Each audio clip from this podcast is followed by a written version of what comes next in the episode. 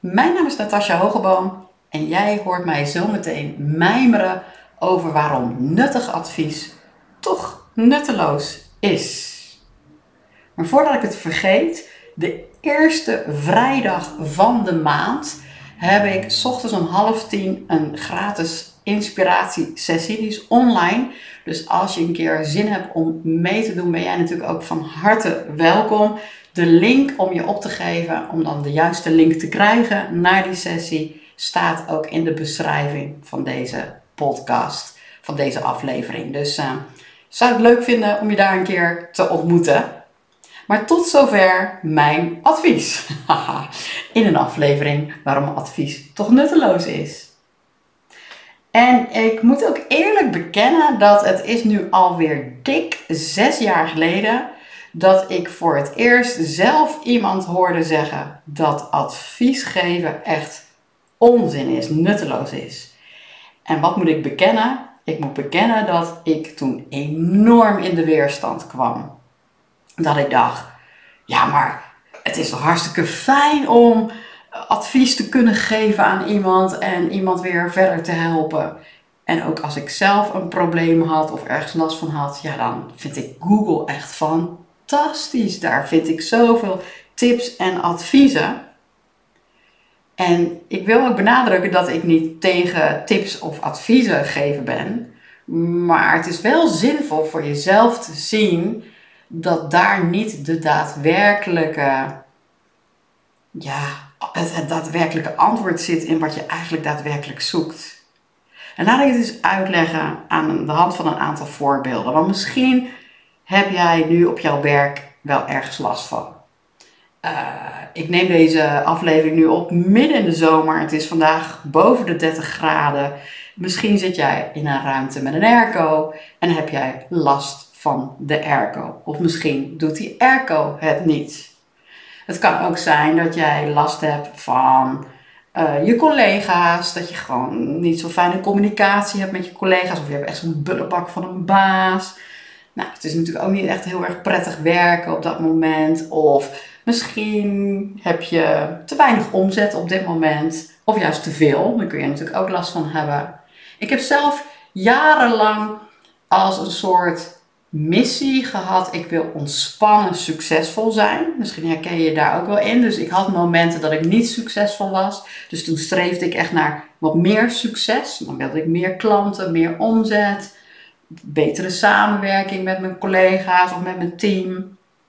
Maar ik had ook momenten dat ik juist wel heel erg succesvol was. Juist heel goed samenwerkte, heel veel klanten binnenhaalde. Maar dat ging niet echt op een hele ontspannen manier. Dus mijn mantraatje werd op een gegeven moment jarenlang: ik wil ontspannen, succesvol zijn. En daarbij was er dan altijd een streven naar iets meer of naar iets minder. En dan ging ik natuurlijk op zoek naar coaches of cursussen of allerlei tips en adviezen op het internet om dat maar te kunnen bereiken. Nou, in die voorbeelden die ik eigenlijk net gaf, terwijl ik mezelf hoorde zeggen, hoorde ik twee soorten verschillen. Er, bijvoorbeeld die airco, als die het niet doet, kijk die airco die kan ik beetpakken en als die het niet doet, dan ga ik gewoon een monteur opzoeken. Of dan pak ik de afstandsbediening en dan zet ik hem wat uh, hoger of lager of zachter. Of ik ga ergens anders zitten als ik er last van heb. Op dat soort tips of adviezen doe ik niet helemaal. Want dat is juist best wel fijn dat we daarvoor de Google hebben. Hè? Of zelfs tegenwoordig allerlei artificial intelligence uh, programma's. Daar doe ik niet op. Waar ik meer op doe, is die problemen die we hebben met onze collega's. Kijk, die collega die kan ik wel beetpakken, maar dat is het probleem niet. Het gaat meer in die communicatie misschien. En die communicatie, de reden waarom ik niet zo fijne samenwerking heb met die collega, dat is niet beter pakken. Dat ontspannen, succesvol willen zijn, nou alleen al die twee woorden, wat wordt er nou eigenlijk bedoeld? Ook dat kan ik eigenlijk helemaal niet beetpakken. Dat bestaat natuurlijk alleen maar in denken. Dus het last hebben van iemand, dat bestaat alleen maar in denken. te weinig klanten binnenhalen, dat is misschien een feit. Dat, dat kan ik misschien tastbaar maken met een cijfer. Maar vervolgens komt er dan natuurlijk een verhaal.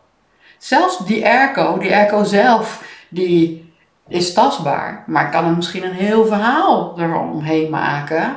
En dat verhaal wat ik eromheen maak, dat bestaat alleen maar in mijn denken. En ik wil benadrukken dat jij niet schuldig bent aan wat er gedacht wordt. Want dat lijken we soms dan te horen. Oké, okay, Natasja, dus ik ben zelf schuldig eraan. Oh, het is alleen maar mijn denken. Maar dat is niet wat ik zeg. Het is denken. Er is denken en dat denken dat creëert jouw beleving. En dat zijn die principes die dat heel makkelijk, heel simpel uitleggen. Dus er is denken. En dat geldt dus voor ieder mens. Maar ieder mens heeft wel ander denken. Dus als ik die collega er even bij pak.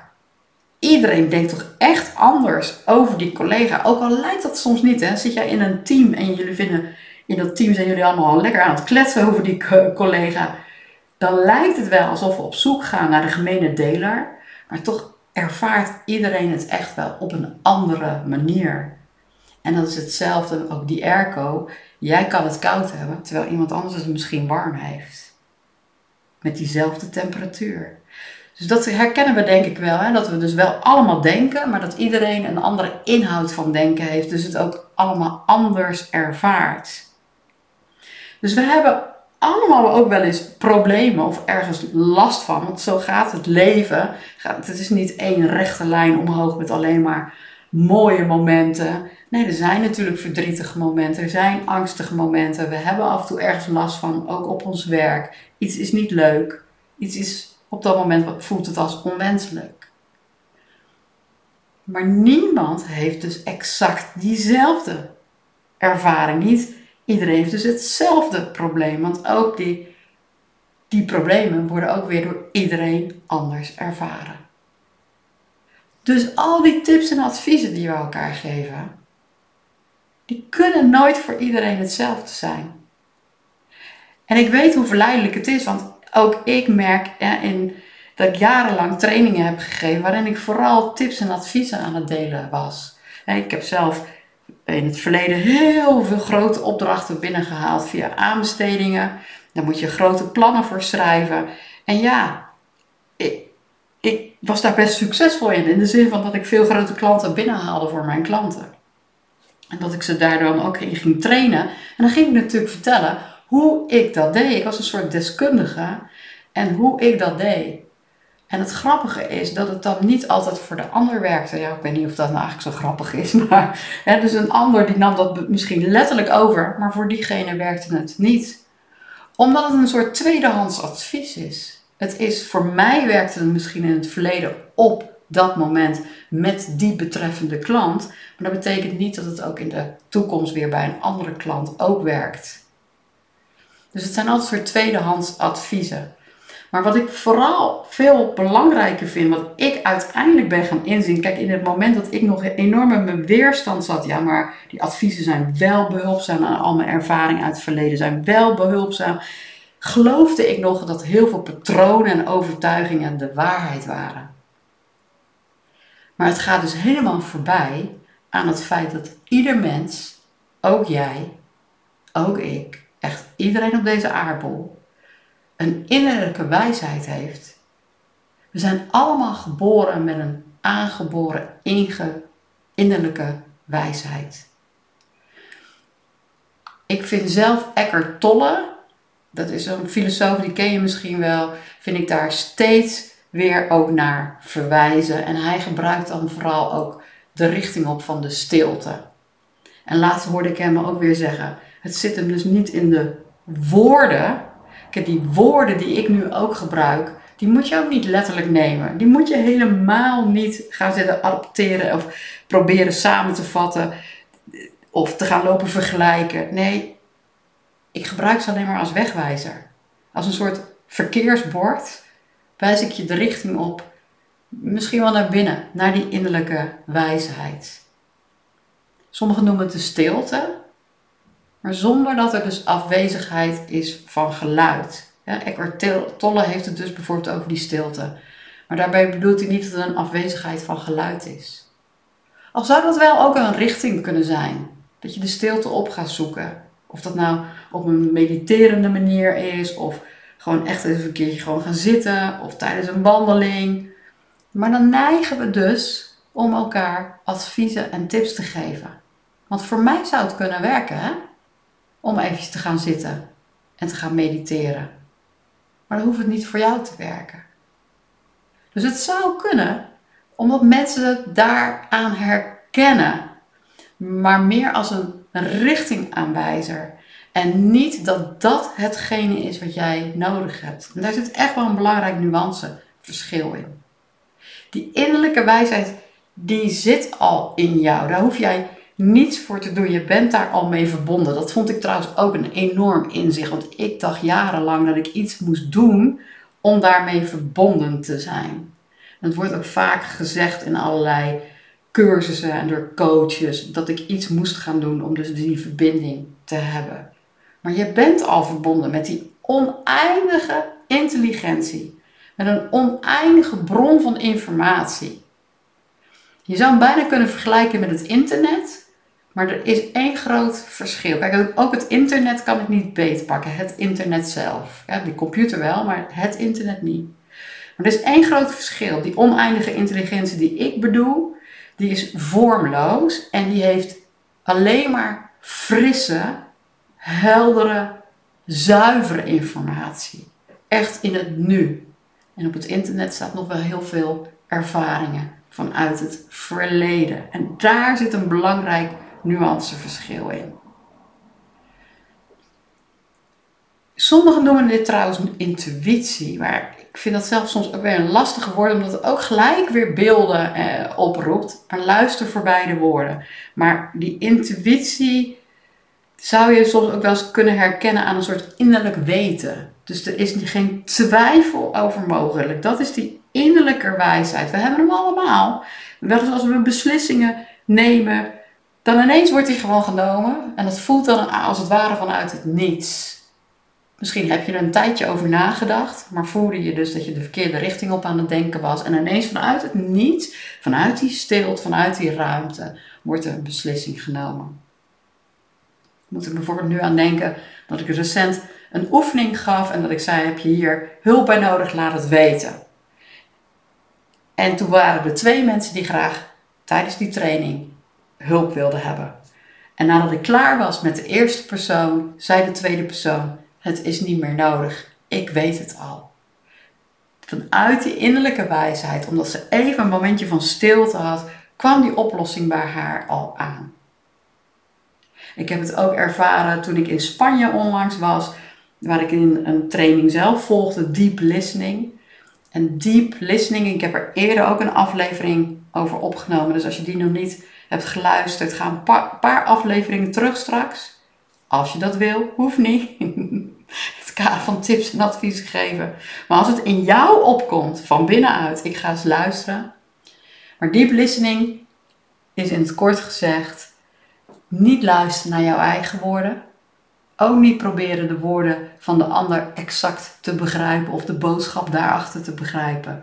Maar juist luisteren naar die innerlijke wijsheid. En die gaan voorbij jouw denken. Rumi heeft zo'n prachtige uitspraak en ik denk dat ik hem vast wel eens eerder in een andere aflevering ook heb gezegd, want ik vind hem echt een van mijn favoriete uitspraken is beyond good or bad, dus voorbij goed of slecht, there is a field, daar is een veld, I'll meet you there.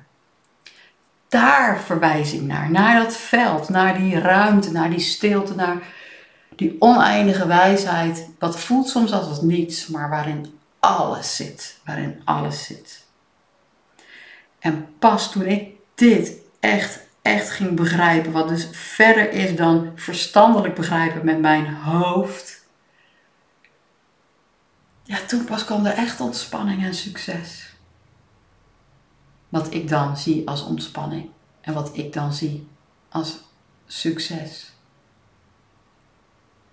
Misschien had het eerste stap wel mee te maken dat ik eerst moest gaan zien dat ik echt geloofde in heel veel patronen en overtuigingen.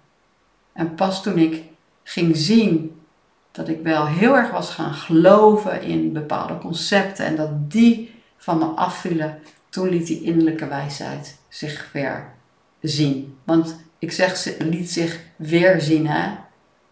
Hij is er altijd. Of we hem nou kennen, of we hem nou weten, of we hier over mijmeren, ja of nee. Hij is er altijd voor iedereen. Alleen zijn we af en toe een beetje verdwaald in al die concepten.